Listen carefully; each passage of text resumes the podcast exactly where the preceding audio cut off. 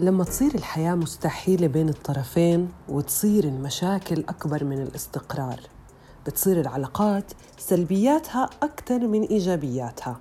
وبالرغم من المحاولات بأنه الحياة تستمر وتضل الأطراف محافظة على العيلة بس الظروف بتكون أقوى من كل محاولات البقاء.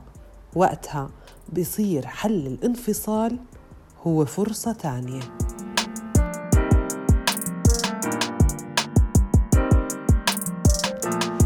فيكم بحلقة جديدة من بودكاست قصتها القصيرة.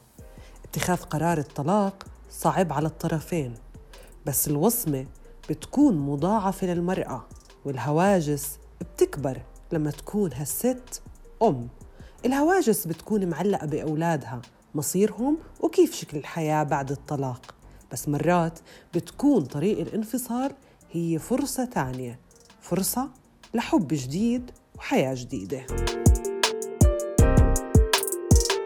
إسراء أم لطفلين عاشت مرحلة الانفصال وقدرت إنها تلاقي طريق جديد طريق في حب وعيلة وشغل ونجاح بس أكيد عاشت هاي المرحلة بكتير من التحديات.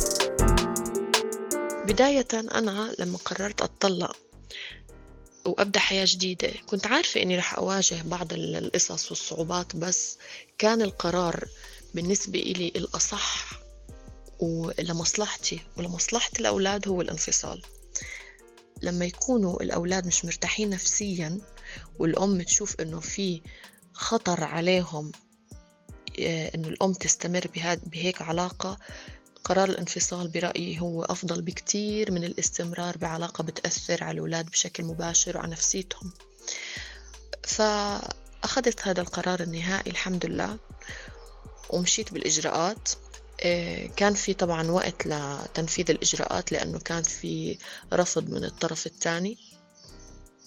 بس وأخيرا تم آه، الانفصال.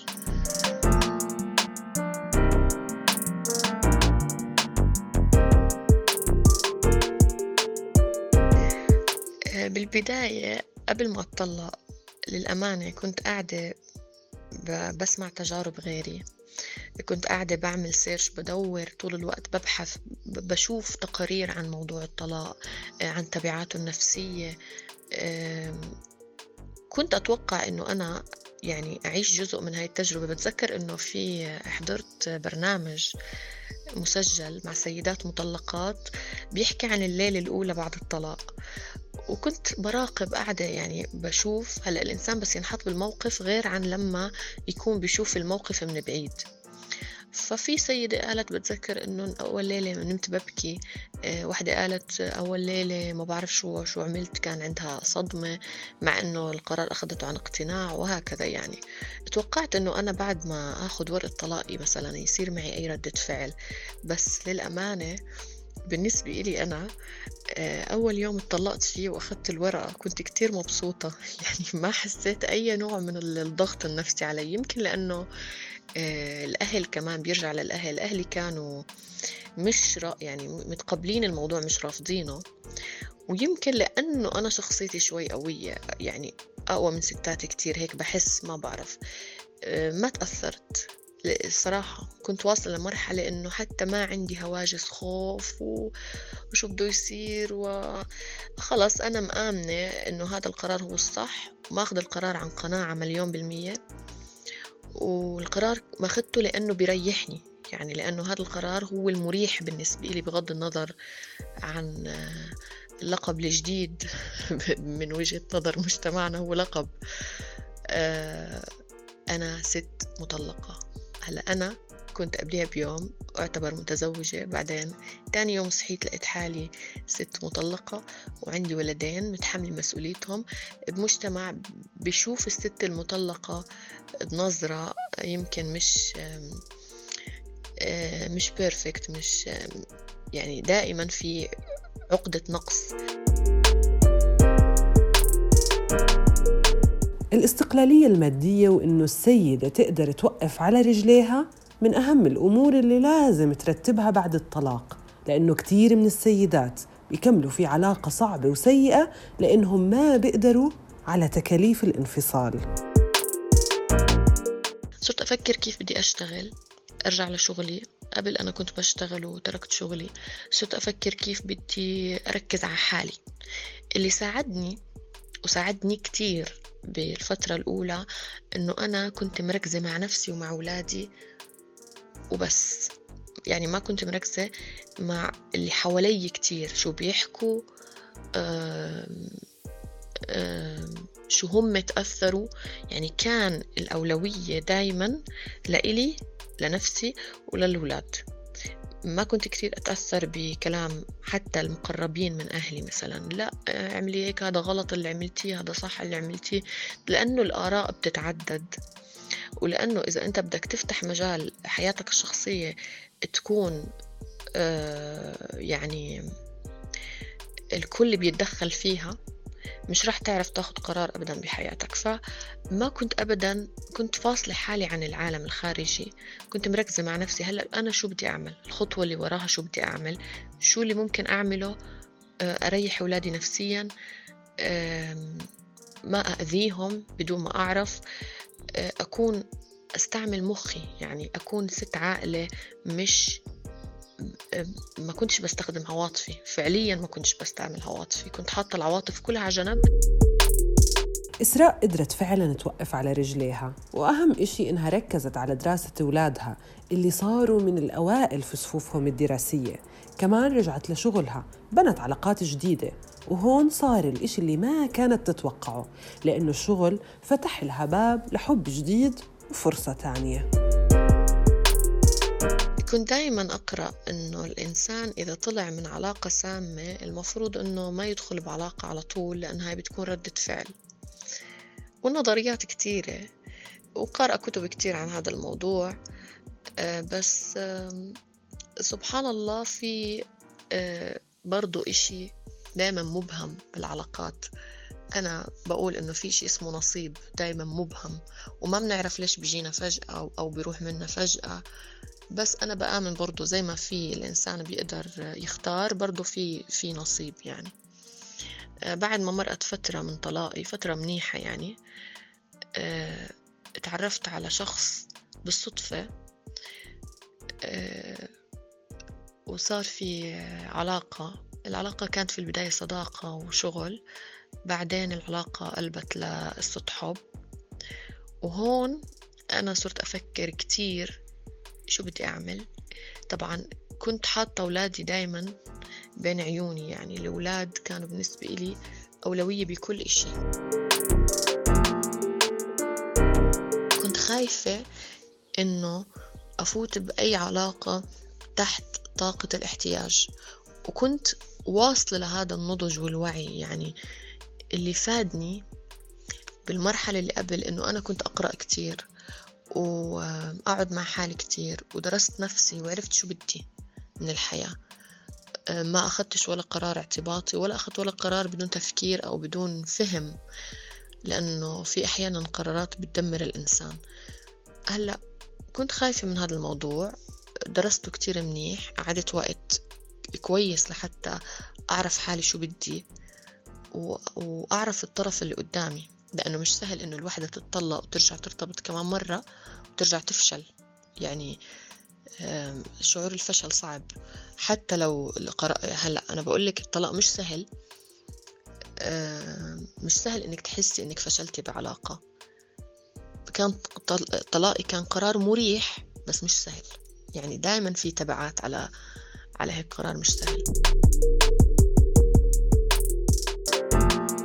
درست هذا الشخص كتير منيح قعدنا فترة كويسة مع بعض نتعرف على بعض. آه، أهلي كانوا بيعرفوا طبعا. و درست وضع الأولاد يعني وتأكدت إنه هذا الشخص أمين على أولادي وبحبهم وبيحترمني. آه، ما عنده عقد. ولا عنده نظرة للمطلقة وهذا يمكن أكتر إشي خلاني أحترمه وأحبه وأوافق عليه. سبحان الله كان هذا الشخص هو البني آدم اللي أنا طول عمري بدور عليه. يعني كل الصفات اللي أنا بدور عليها بإنسان أشاركه حياتي كانت فيه. كل ما أحاول أنا أبعد أو يعني ألاقي لنفسي مخرج أو أقول لأ هو يخليني أتمسك بهاي العلاقة. طبعا بعد ما مضى وقت صرت هلأ بدنا نرتبط بده يصير زواج وبده يصير زواج رسمي ف أكيد بدي أصير أفكر بالولاد وبالطرف الثاني شو ردة فعله لأنه هذا إشي كتير مهم.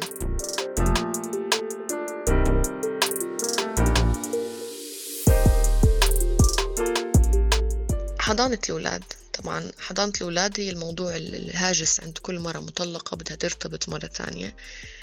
آه، حضانة الأولاد راحت لوالدتي واشتغلت على هذا الموضوع قانونيا لأنه آه، ما بينفع إنه أنا أروح أتزوج وما أعرف شو مصير أطفالي طبعا. أمنت الأولاد مع والدتي وتأكدت إنه أمورهم تمام. وطبعا نسقت يعني ظروفي وظروفهم وظروف زواجي وزوجي إنه تكون متناسبة مية بالمية مع مصلحة أولادي.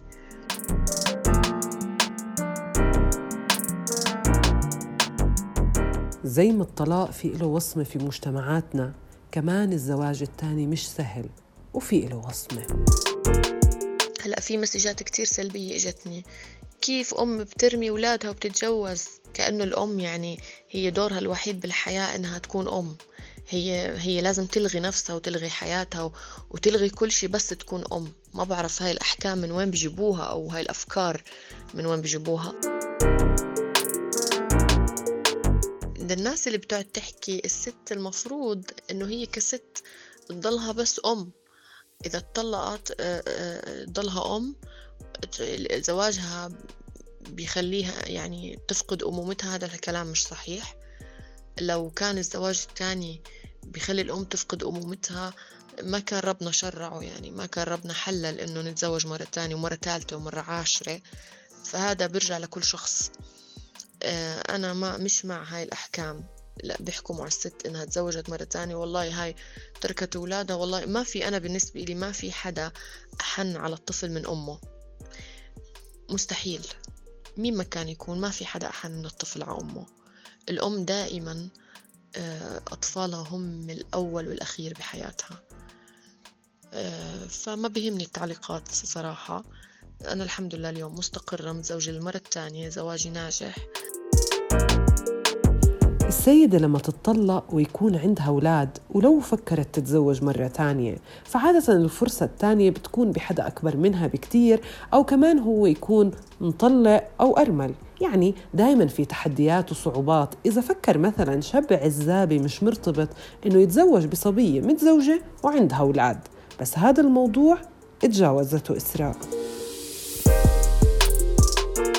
أنا زوجي الثاني عزابي وما عنده أطفال. كان قبلي كاتب كتابه بس مش متزوج يعني وما ما إجا أولاد وقعد فترة طويلة مش مرتبط. فهذا الموضوع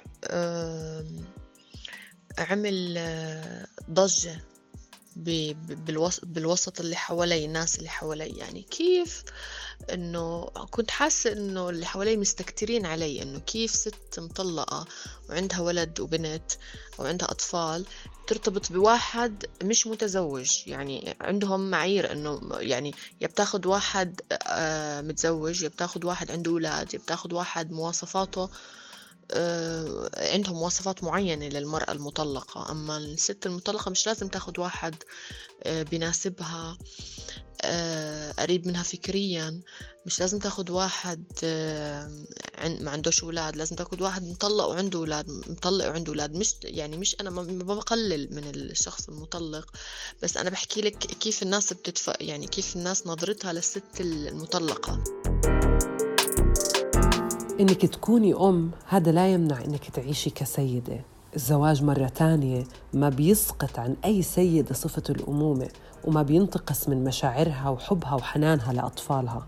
في الفرصة الثانية في أبواب بتخلي كثير من السيدات قادرين يوازنوا مشاعرهم وأولوياتهم اللي بتصدرها دائما حبهم لأولادهم.